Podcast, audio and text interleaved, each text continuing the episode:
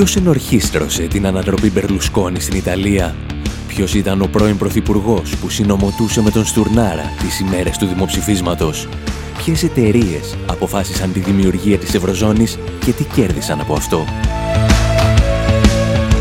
Οι δημιουργοί των ντοκιμαντέρ «Χρεοκρατία», «Καταστρόικα» και «Φασισμός ΑΕ» επιστρέφουν με μια νέα παραγωγή. This is not a coup. Δεν ήταν πραξικόπημα, είναι η Ευρωπαϊκή Ένωση. Μάθε πώς μπορείς να βοηθήσεις και εσύ την ολοκλήρωση του ντοκιμαντέρ στη διεύθυνση infowarproductions.com Η διεύθυνση infopavlawar.gr Η εκπομπή Infowar με τον Άρη Χατζηστεφάνου.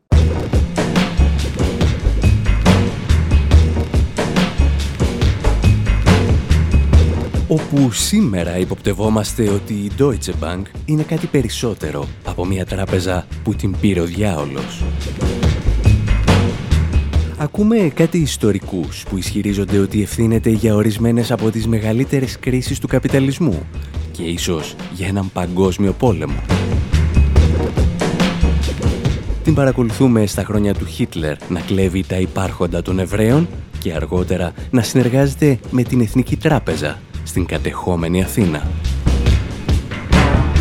Και έπειτα αλλάζουμε τροπάρι και αναρωτιόμαστε εάν ο Μπέρνι Σάντερς είναι ο πατέρας της πολιτικής πανκ.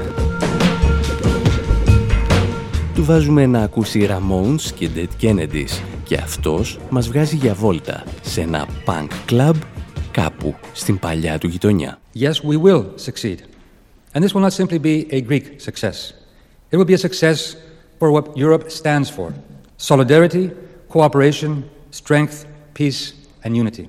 Έχουμε επιστρέψει στο 2010 και ο τότε Πρωθυπουργός της Ελλάδας λαμβάνει στη Γερμανία το ιδιαιτέρου κύρους βραβείο Κουαντρίκα. Το Βερολίνο αναγνωρίζει την προσφορά του στη διάσωση των γερμανικών τραπεζών και τον τιμά όπως είχε κάνει παλαιότερα με τον Μιχαήλ Κορμπατσόφ, τον Ζαν Κλοντ Ιουνκέρ και άλλους πολλούς.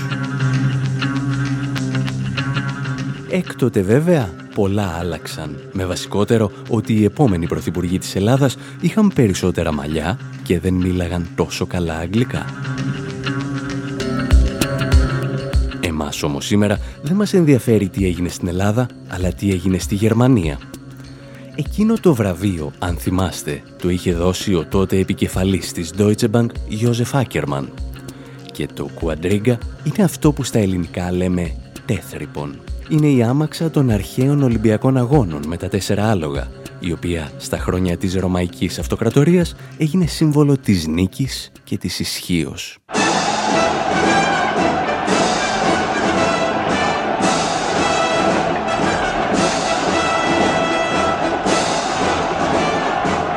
Σήμερα οι περισσότεροι γνωρίζουμε μόνο το τέθρυπον που στέκει πάνω στην πύλη του Βραδεμβούργου και οι ελαφρώς μεγαλύτεροι ίσως να θυμούνται και τους αγώνες με άμαξες από την ταινία Ben Hur.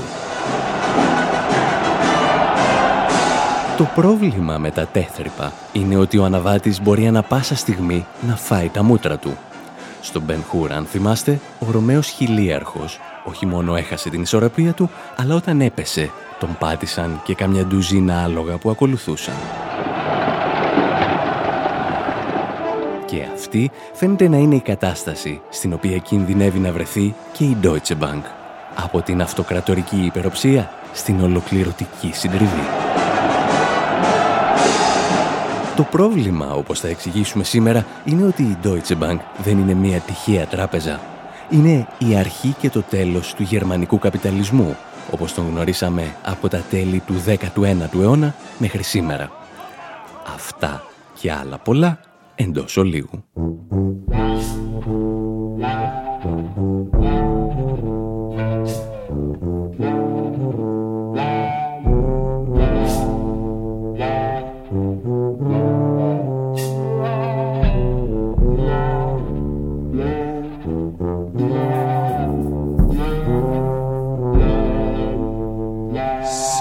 shark with teeth like razors and he wears them in his face. And McHeath has got a knife, but not in such an obvious place. Now see the shark, how red his fins are as he slashes at his prey.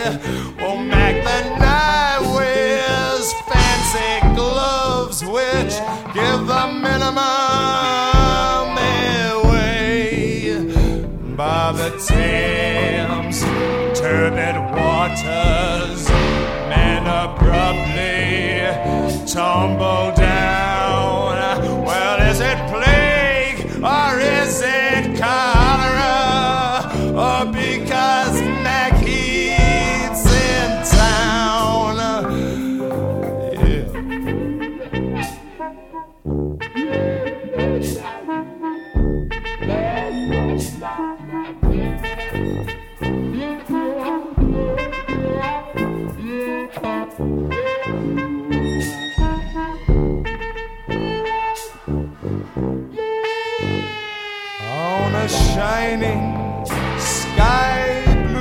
Sunday. See a carp stretched in the strand. We'll see a man dodge around the corner. Maggie's friends will understand. And Schumacher posted missing. Well, like so many well, wealthy men, well, Mac box. God knows how and God knows when. Oh, Jenny Towler turned up lately with a knife stuck through her breast. While Mac walks the embankment nonchalantly unimpressed. Where is Alphonse? Galit the cabman. While who can get that story clear? While someone may lay information, but McHeath has no εκπομπή Infowar με τον Άρη Χατζηστεφάνου συζητάμε για τις περιπέτειες της γερμανικής τράπεζας Deutsche Bank ξεκινώντας την ιστορία μας από ελαφρώς παλαιότερα. Η ιστορία της Deutsche Bank, όπως είπαμε, αποτελεί ταυτόχρονα και τη νεότερη και σύγχρονη ιστορία του γερμανικού καπιταλισμού για την ακρίβεια, η τράπεζα γεννιέται εκείνη την κρίσιμη στιγμή που η γερμανική αστική τάξη αποφασίζει ότι μπορεί να παίξει και αυτή καθοριστικό ρόλο στην παγκόσμια οικονομία. Τη στιγμή δηλαδή που αμφισβητεί την παντοκρατορία των χρηματοπιστωτικών κέντρων του Λονδίνου και του Παρισιού. Για τη συνέχεια της εκπομπής σκεφτήκαμε να πάρουμε ένα μίνι ντοκιμαντέρ της ίδιας της Deutsche Bank και να δώσουμε εκεί τη δική μας εκδοχή της ιστορίας. Έχουμε λοιπόν και λέμε. On April 9th, 1870, Deutsche Bank opens its doors in Berlin. Στις 7 Απριλίου του 1870 η Deutsche Bank ανοίγει τις πόρτες στο Βερολίνο. Οι ιδρυτές αναζητούν τρόπους να μπουν στις διεθνείς αγορές και να χρηματοδοτήσουν το γερμανικό εξαγωγικό εμπόριο. Αυτό συμβαίνει για πρώτη φορά. Μέχρι τότε οι Γερμανοί επιχειρηματίες έπρεπε να δανείζουν τα χρήματα που χρειάζονται από το Λονδίνο ή το Παρίσι. Με προσήλωση και φιλοδοξία, οι ιδρυτές δημιουργούν ένα διεθνές δίκτυο με όλο και περισσότερα υποκαταστήματα. Η τράπεζα ανοίγει γραφεία στα μεγαλύτερα εμπορικά και χρηματοπιστωτικά κέντρα όπως το Αμβούργο, το Λονδίνο και τη Σαγκάη.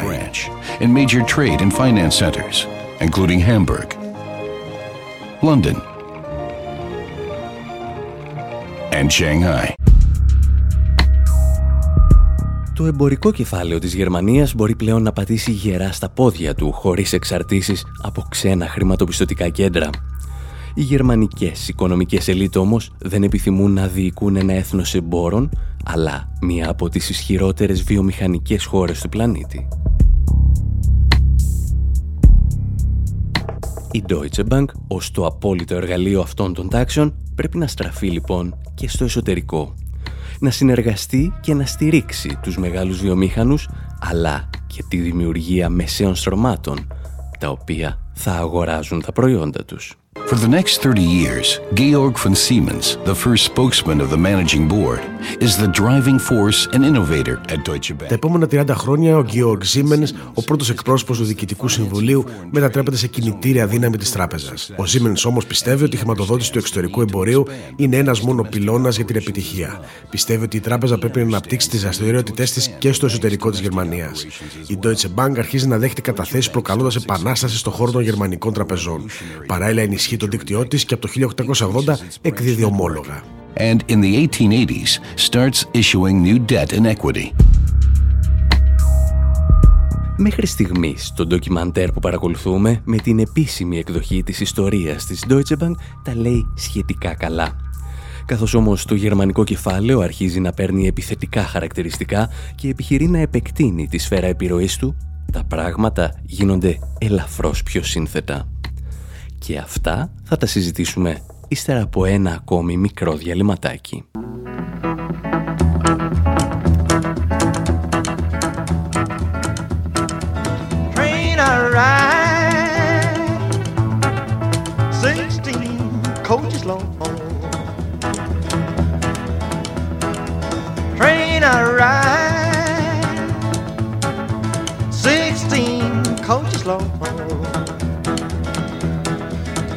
Well, that long black train got my baby and gone.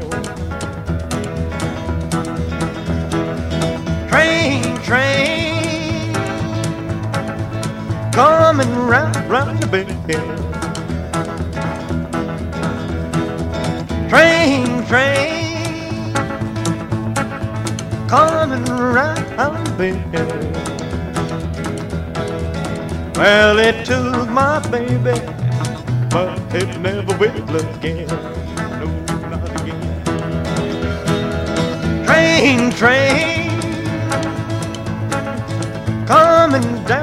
Ο Έλβη Πρίσλεϊ τραγουδά για το τρένο του Μυστηρίου. Και εμείς στην εκπομπή Infowar με τον Άρη Χατζηστεφάνου παρακολουθούμε την πορεία της Deutsche Bank. Υποπτευόμαστε ότι δεν καθόρισε μόνο την οικονομική ιστορία της Γερμανίας, αλλά την παγκόσμια ιστορία. Και τα τρένα εδώ θα παίξουν καθοριστικό ρόλο. Έχουμε φτάσει στο σημείο όπου η τράπεζα ανοίγει τα φτερά της στο εξωτερικό και το εσωτερικό της Γερμανίας. Υποπτευόμαστε όμως ότι το ντοκιμαντέρ που παρακολουθούμε κάτι μας κρύβει. Deutsche Bank plays a major role in Germany's industrial development and helps finance new companies. Η Deutsche Bank παίζει καθοριστικό ρόλο στη βιομηχανική ανάπτυξη της Γερμανίας και χρηματοδοτεί νέες εταιρείες, μεταξύ αυτών βρίσκεται και η Siemens. Η Deutsche Bank δραστηριοποιείται σε ολόκληρο τον κόσμο. Συμμετέχει στην κατασκευή της σιδηροδρομική γραμμής που διασχίζει τη Βόρεια Αμερική. Παίζει πρωταγωνιστικό ρόλο στην κατασκευή του σιδηροδρόμου της Βαγδάτης, ο οποίος αργότερα θα συνδέσει την Κωνσταντινούπολη με τον Περσικό κόλπο.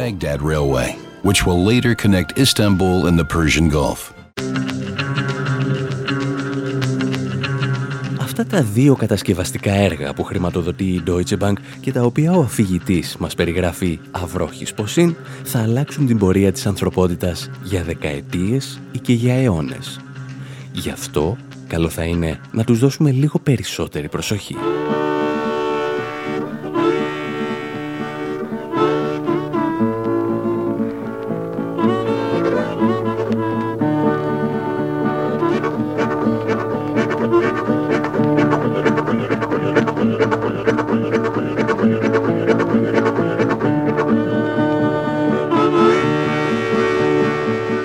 Έρθει η σειρά του Woody Guthrie να τραγουδήσει για ένα χαμένο τρένο και υποπτευόμαστε ότι από εδώ έκλεψε το ρυθμό του και ο Elvis Presley. Η Deutsche Bank, όπως ακούσαμε, χρηματοδοτεί εκείνη την εποχή την κατασκευή ενός σιδηροδρόμου που θα διασχίζει ολόκληρη τη Βόρεια Αμερική. Και ο λόγος που το κάνει είναι ότι έχει πλεονάζοντα κεφάλαια τα οποία θέλει να χρησιμοποιήσει για κερδοσκοπικά παιχνίδια. Και το μεγαλύτερο καζίνο της εποχής είναι η Αμερικανική Σιδηρόδρομη. Μια τεράστια φούσκα η οποία θα σκάσει λίγα χρόνια αργότερα συμπαρασύροντας την παγκόσμια οικονομία. Είναι η στιγμή που ξεκινά ο λεγόμενος πανικός του 1873. Στην πραγματικότητα, ο καπιταλισμός της εποχής έχει τα μαύρα του τα χάλια και οι παράγοντες που προκαλούν την κρίση είναι δεκάδες. Οι κερδοσκοπικές επενδύσεις όμως της Deutsche Bank στους αμερικανικούς σιδηρόδρομους είναι ο καταλήτης που φέρνει την καταστροφή.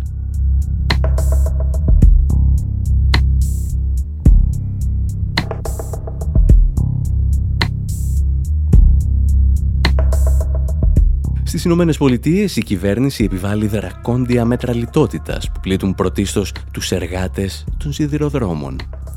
Αυτοί εξεγείρονται και η Ομοσπονδιακή Κυβέρνηση απαντά στέλνοντας για άλλη μία φορά το στρατό. Πρόκειται για μία από τις μεγαλύτερες αυθόρμητες εξεγέρσεις στην ιστορία των Ηνωμένων Πολιτειών και φυσικά και μία από τις πιο πολυτραγουδισμένες εξεγέρσεις.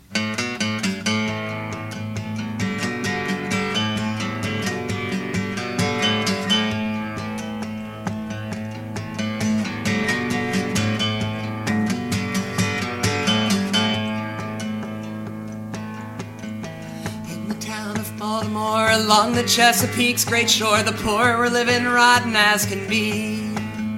Sewage ran into the streets, some could not afford to eat, and poverty was quickly expanding. Wages fell 25% with 3 million in unemployment, the bulk of the burden on the poor. No B&O was profit bound, the bosses cut the wages down, the workers wouldn't take it anymore. The year 1877, the day July 11th, B&O bosses came and said, Your workers better listen up, another 10% was cut. You've got until the 16th to accept. It was lunchtime when the strike began. The brakeman and the fireman said, I'm not gonna work for this low wage. They stopped their train at Camden Junction, wouldn't let the railroad function, and struck with a dream of better days. Strike then spread to Martinsburg, where shutdown of the rails occurred, and workers were lined up along the track. Said, We're not working for the boss no more, we're working for ourselves, the poor, and we are gonna take our wages back. The governor sent in troops to stop it, protecting the railroad profit, but they were outnumbered by the crowd. So President hastened troops to fight, shot a man and broke the strike, and strike breakers rolled those engines out. Οι επιπτώσεις από τη φούσκα των σιδηροδρόμων είναι γιγαντιαίων διαστάσεων, αλλά η Deutsche Bank συνεχίζει να αραδιάζει σιδηροτροχές σε ολόκληρο τον πλανήτη. Και τώρα δεν το κάνει πλέον μόνο για κερδοσκοπικούς λόγους, αλλά και για γεωπολιτικούς. Από το 1903 η Deutsche Bank χρηματοδοτεί τον περίφημο σιδηρόδρομο που θα συνέδεε το Βερολίνο με τη Βαγδάτη, η οποία βρισκόταν ακόμη υπό τον έλεγχο της Οθωμανικής Αυτοκρατορίας. Η Γερμανική Αυτοκρατορία θέλει έτσι να αποκτήσει πρόσβαση στον Περσικό κόλπο. Έχει πληροφορίες ότι στη Μεσοποταμία θα εντοπιστούν πλούσια κοιτάσματα πετρελαίου. Κυρίως όμως θέλει να αποφύγει τη διόρυγα του Σουέζ που ακόμη βρισκόταν υπό Βρετανικό έλεγχο. Ορισμένοι ιστορικοί υποστηρίζουν ακόμη και σήμερα ότι οι διαμάχες που ξέσπασαν για τον περίφημο σιδηρόδρομο της Βαγδάτης είναι η πραγματική αφορμή για το ξέσπασμα του Πρώτου Παγκοσμίου Πολέμου. Εάν το έργο ολοκληρωνόταν, η Ρωσία φοβόταν ότι οι Γερμανοί θα αποκτούσαν πρόσβαση στη σφαίρα επιρροής της στον Κάφκασο και την Περσία οι Βρετανοί από την πλευρά τους πίστευαν ότι η Γερμανία εποφθαλμιούσε τους Βρετανικούς εμπορικούς διαδρόμους προς την Ινδία. Και όλο αυτό τον πανικό τον χρηματοδοτούσε και πάλι η Deutsche Bank.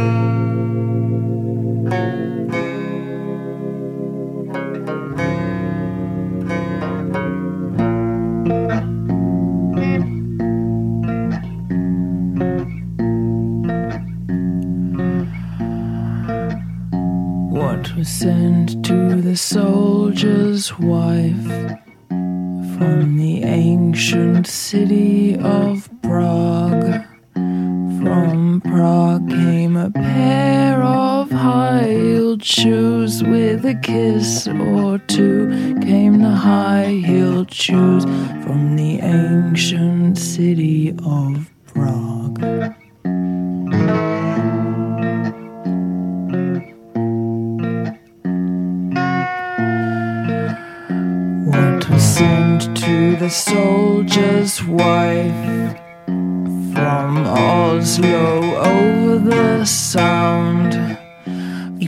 PJ Harvey τραγουδά Brecht για τους στρατιώτες που πεθαίνουν στα πεδία των μαχών του Πρώτου Παγκοσμίου Πολέμου.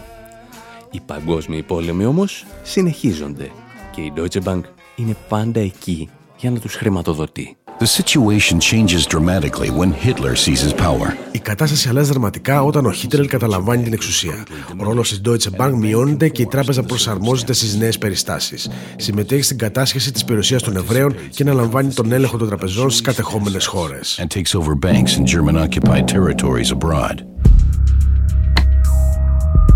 Για άλλη μια φορά, η επίσημη ιστορία του γερμανικού τραπεζικού κολοσσού λέει μερικές μόνο αλήθειες και αποκρύπτει τις σημαντικότερες. Η Deutsche Bank δεν κατάσχει απλώς τα περιουσιακά στοιχεία των Εβραίων.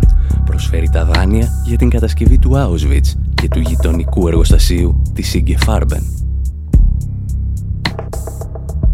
Οι σκλάβοι του Auschwitz εργάζονται για τα εργοστάσια της Inge Farben και αυτή ανταποδίδει προσφέροντας τα χημικά για τους θαλάμους αερίων.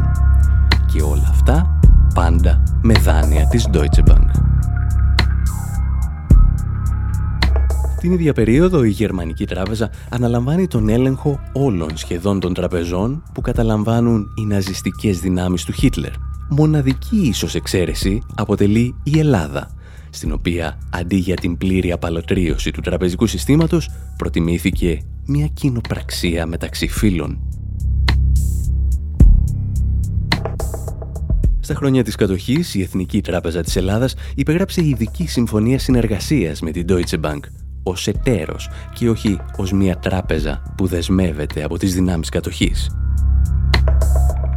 Γιατί, ως γνωστόν, οι καλοί συνεργάτες των Γερμανών στην κατοχή φαίνονται.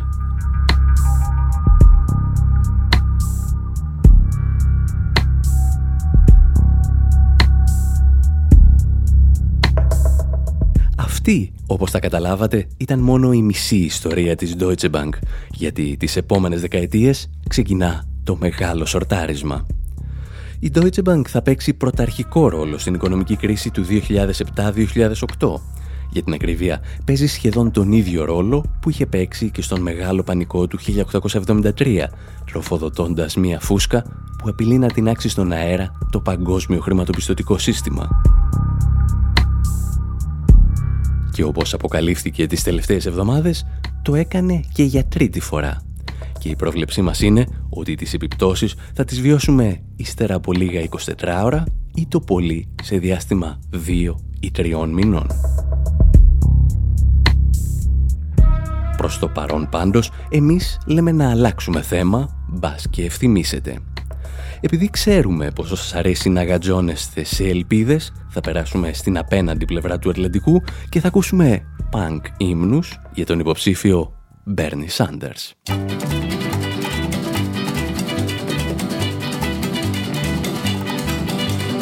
Bright light city, gonna set my soul, gonna set my soul on fire. Got a whole lot of money that's ready to burn, so get those stakes up higher.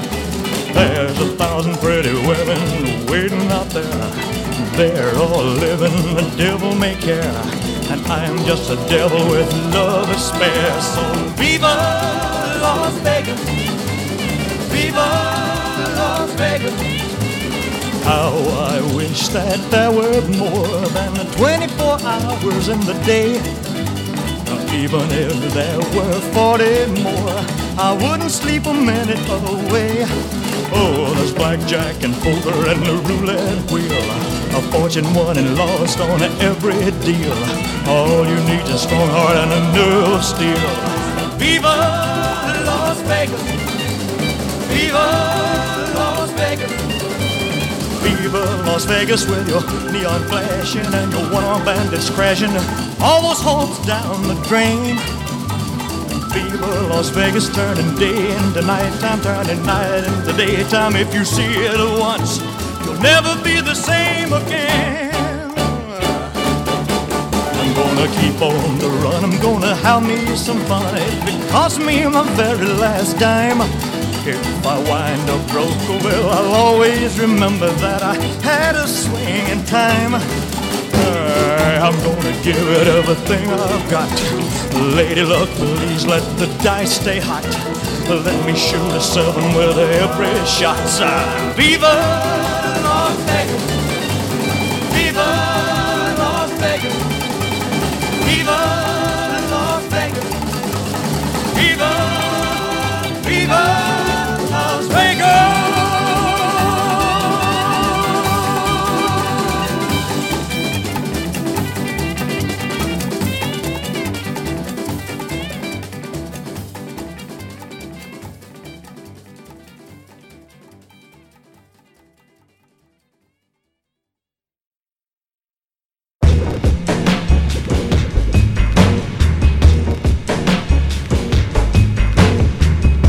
Όπου σήμερα αναρωτιόμαστε εάν ο Μπέρνι Σάντερς είναι ο πιο πανκ υποψήφιος που διεκδίκησε το χρήσμα των δημοκρατικών από δημιουργίας της πανκ σκηνής.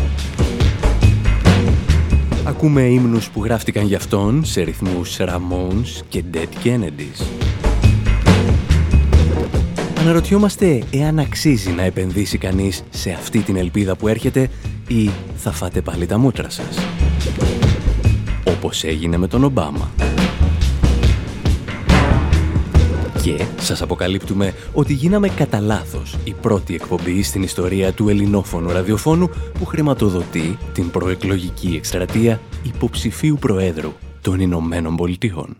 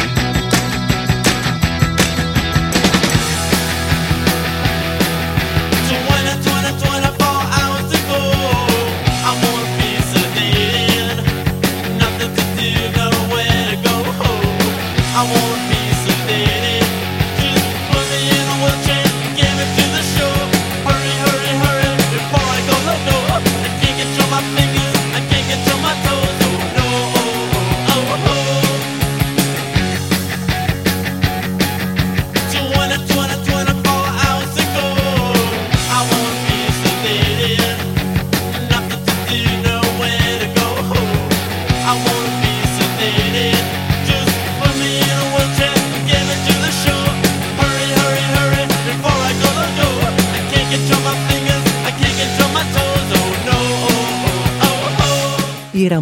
από τα 1977 προς 78 εκφράζουν την πρόθεσή τους να ναρκωθούν.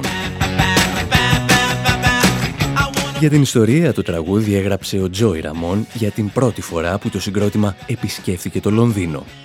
Ήταν παραμονή Χριστουγέννων και τα πάντα ήταν κλειστά. Και έτσι το μόνο που είχαν να κάνουν ήταν να κάτσουν στο δωμάτιο του ξενοδοχείου και να δουν μια αμερικανική ταινία. Για την ακρίβεια, τα κανόνια του Ναβαρώνε. Αυτό που ποτέ δεν θα φανταζόταν ο μακαρίτης Ραμόν είναι ότι σχεδόν τέσσερις δεκαετίες αργότερα κάποιος θα διασκεύαζε το τραγούδι για να στηρίξει έναν υποψήφιο για την Προεδρία των Ηνωμένων Πολιτειών. primary in 2016. I'm back in Bernie Sanders. Cause Bernie's got something I've never seen. I'm back in Bernie Now I need a burning button, I need a Bernie sign. I gotta give some money, I gotta give some time. The Bernie tide is rising and it isn't gonna turn. I'm feeling the burn. Now everywhere Bernie goes, he's raising the roof. I'm backing Bernie Sanders. He gets the people going cause he tells them the truth. I'm backing Bernie Sanders. Give me a registration form. I'm give my vote to Bernie cause Bernie's where it's at. The other candidates will hate it when they learn we're feeling the burn. Bap, bap, bap. We're backing Bernie Sanders. We're backing Bernie Sanders. In the Democratic primary of 2016, we're backing Bernie Sanders.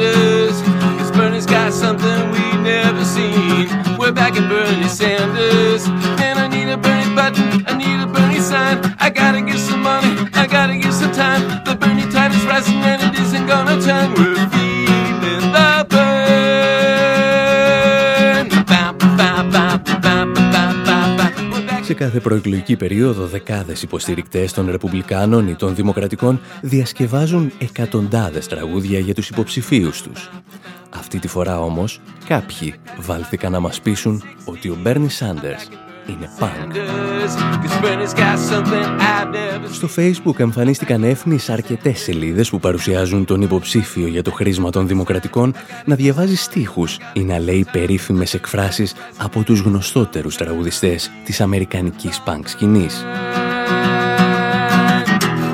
Εγώ, λέει, σε ένα από τα καλύτερα memes που βρήκαμε, δεν είχα όρεξη να σνιφάρω κόλλα. Αναζητούσα κάτι που θα ανταποκρινόταν στο κοινωνικό και πολιτικό κλίμα της εποχής μου. Μια σαφής αναφορά δηλαδή στο I Wanna Sniff Some Glue των Ramones.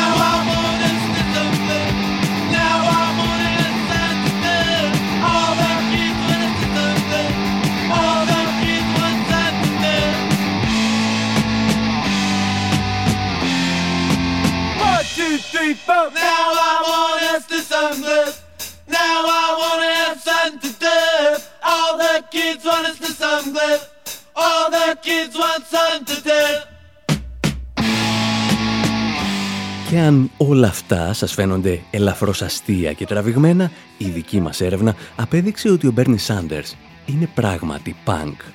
Ή, για να είμαστε ακριβείς, υποπτευόμαστε ότι ίσως ορισμένα συγκροτήματα της αμερικανικής punk να μην είχαν υπάρξει χωρίς αυτόν. Όπως λόγου χάρη οι Φουγκάζοι, τους οποίους ακούμε και επιστρέφουμε με περισσότερες πληροφορίες.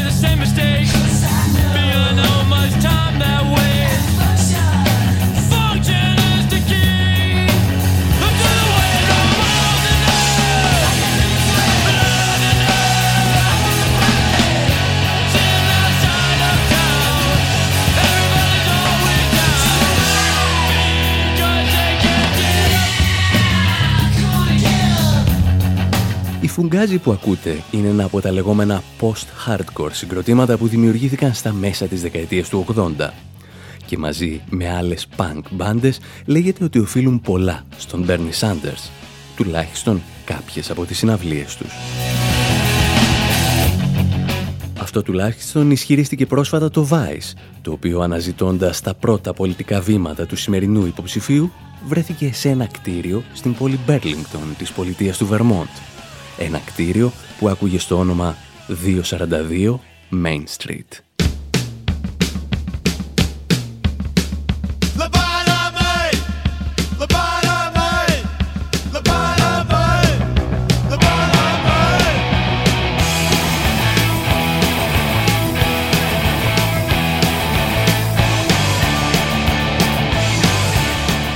Παλαιότερα εκεί στεγαζόταν η υπηρεσία ίδρευσης της πόλης, μέχρι τη στιγμή που μία ελαφρώς ευτραφής αλλά συμπαθεστάτη νεαρά που την έλεγαν ο Μέιρα Ντρίσκολ και εργαζόταν στο τμήμα νεότητας της πόλης, πήγε στο δήμαρχο και του χτύπησε το χέρι στο τραπέζι. «Θέλω ένα γραφείο», του είπε, «μέσα στο Δημοτικό Μέγαρο, εκεί όπου λαμβάνονται όλες οι σημαντικές αποφάσεις. Και θέλω και μία τηλεφωνική γραμμή». Ο δήμαρχος, κάποιος κύριος Μπέρνι Σάντερς, έκανε αμέσως δεκτό το αίτημά της. Και αυτή, αντί να βγάλει μερικές φραγίδες και να το παίζει παράγοντας, μάζεψε τους πιο πολιτικοποιημένους πιτσιρικάδες της πόλης και άρχισε να οργανώνει δεκάδες εκδηλώσεις. Η πιτσιρικαρία ήταν τόσο θορυβόδης, ώστε ο δήμαρχος είπε στην Τρίσκολ να τους φτιάξει ένα στέκι και έτσι δημιουργήθηκε το 242 Main Street, το οποίο έγινε σύμβολο της παν κουλτούρας στην ανατολική ακτή των Ηνωμένων Πολιτειών. Εδώ και τρεις δεκαετίες μάλιστα παίζει μουσικές σαν και αυτή.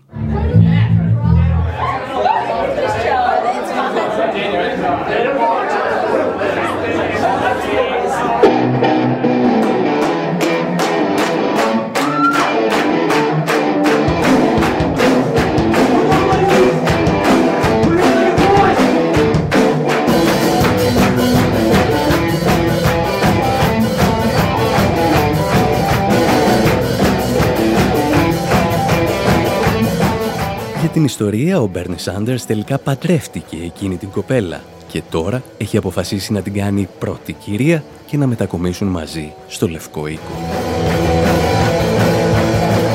Και το ερώτημα είναι πώς θα αντιδράσει η αμερικανική post-punk σκηνή σε μια τέτοια εξέλιξη;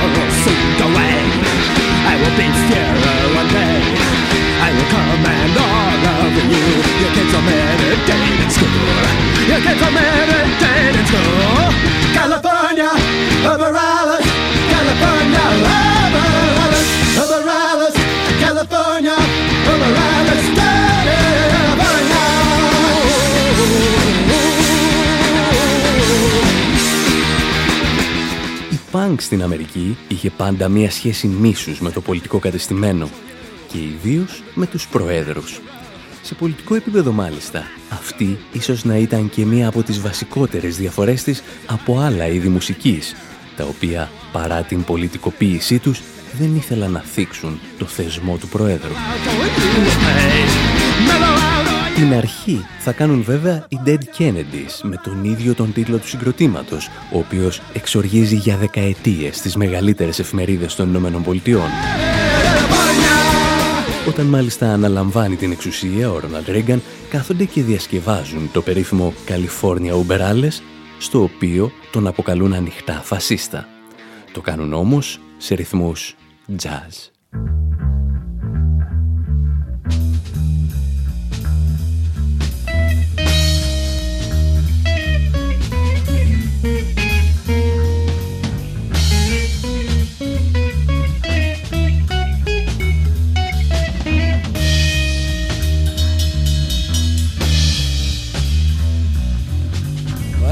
Call for alcohol. Last call for your freedom of speech. Drink up. Happy hour is now enforced by law. Don't forget our house special. It's called the Tricky Dicky Screwdriver. It's got one part Jack Daniels, two parts purple Kool-Aid, and a jigger of formaldehyde from the jar with Hitler's brain in it.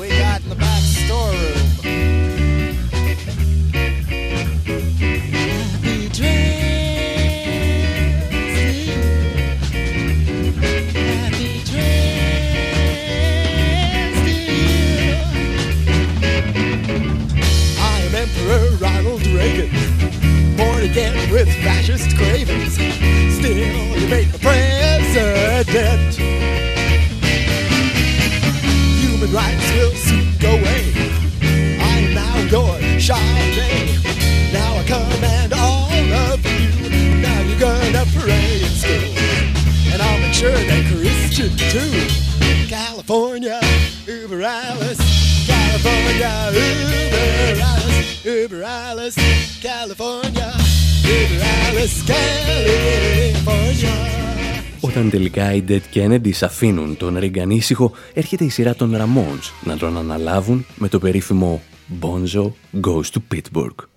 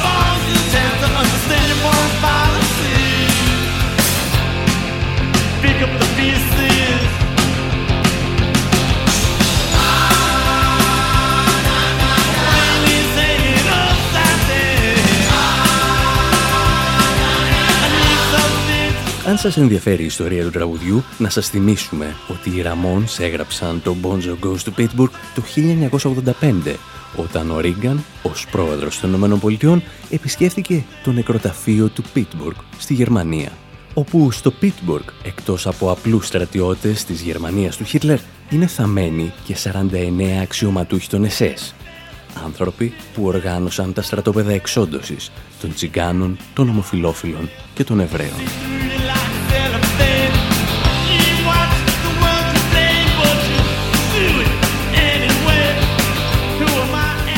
Δεκαετία του 80 είναι λοιπόν η στιγμή που η αμερικανική punk σκηνή επιτίθεται ομαδικά στον Ρόναλντ Ρίγκαν. Είναι όμως και η στιγμή όπου το στέκι του Bernie Sanders έχει μετατραπεί πλέον σε προπύργιο της punk για ολόκληρη την πολιτεία. Η αστυνομία αρχίζει να παρενοχλεί τα παιδιά που δοκιμάζουν τις κιθάρες τους, αλλά ο Σάντερς δεν υποχωρεί στις πιέσεις για να τα απομακρύνει από το χώρο.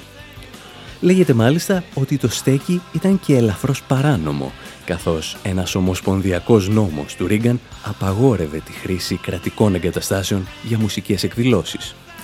Το στέκι του Σάντερς δηλαδή λειτουργούσε στα όρια της κατάληψης.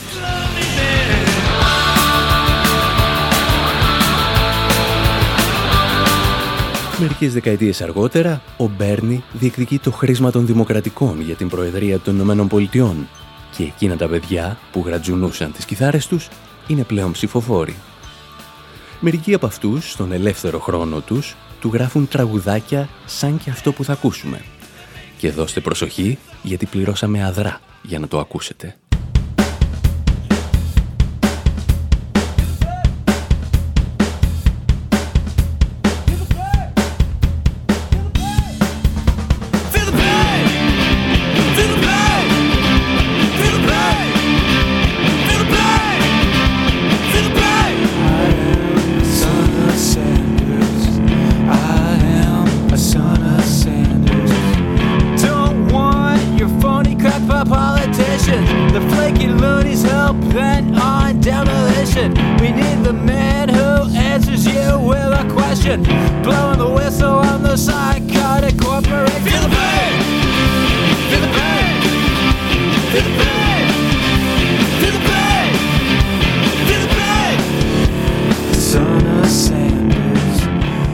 Στην εκπομπή Infowar ακούμε punk επιλογές για τον υποψήφιο για το χρήσμα των δημοκρατικών Bernie Sanders. He rocks the hair of a real bourgeois. Και κάπου εδώ οφείλουμε να σας αποκαλύψουμε ότι το συγκεκριμένο τραγούδι με τίτλο Feel the Burn το πληρώσαμε ένα δολάριο και 23 cents για να το ακούσετε σε καλή ανάλυση.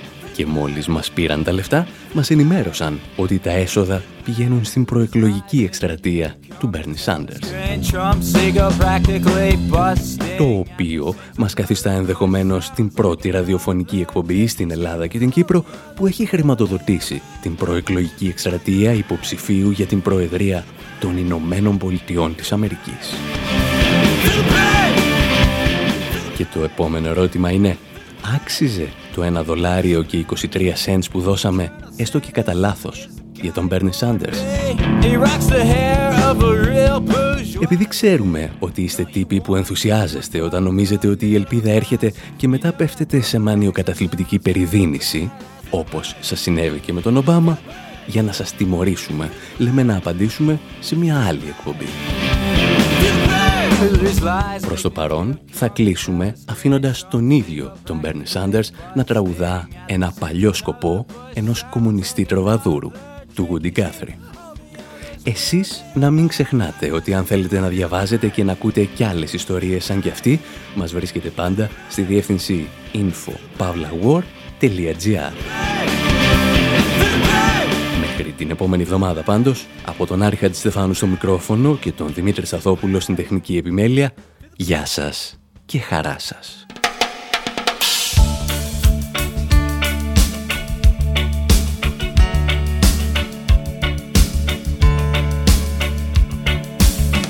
As I went walking that ribbon of highway, I saw above me that endless skyway. I saw below me that golden valley. This land was made for you and me. This land is your land. This land is my land. From California to the New York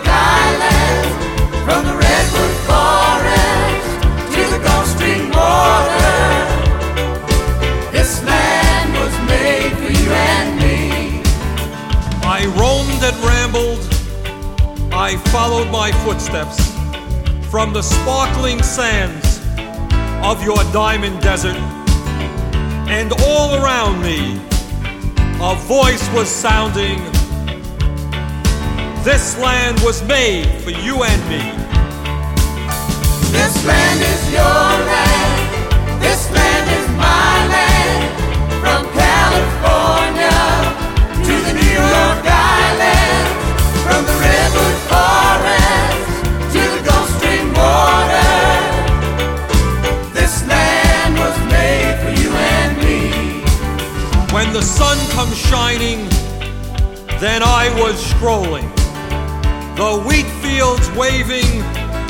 The dust clouds rolling.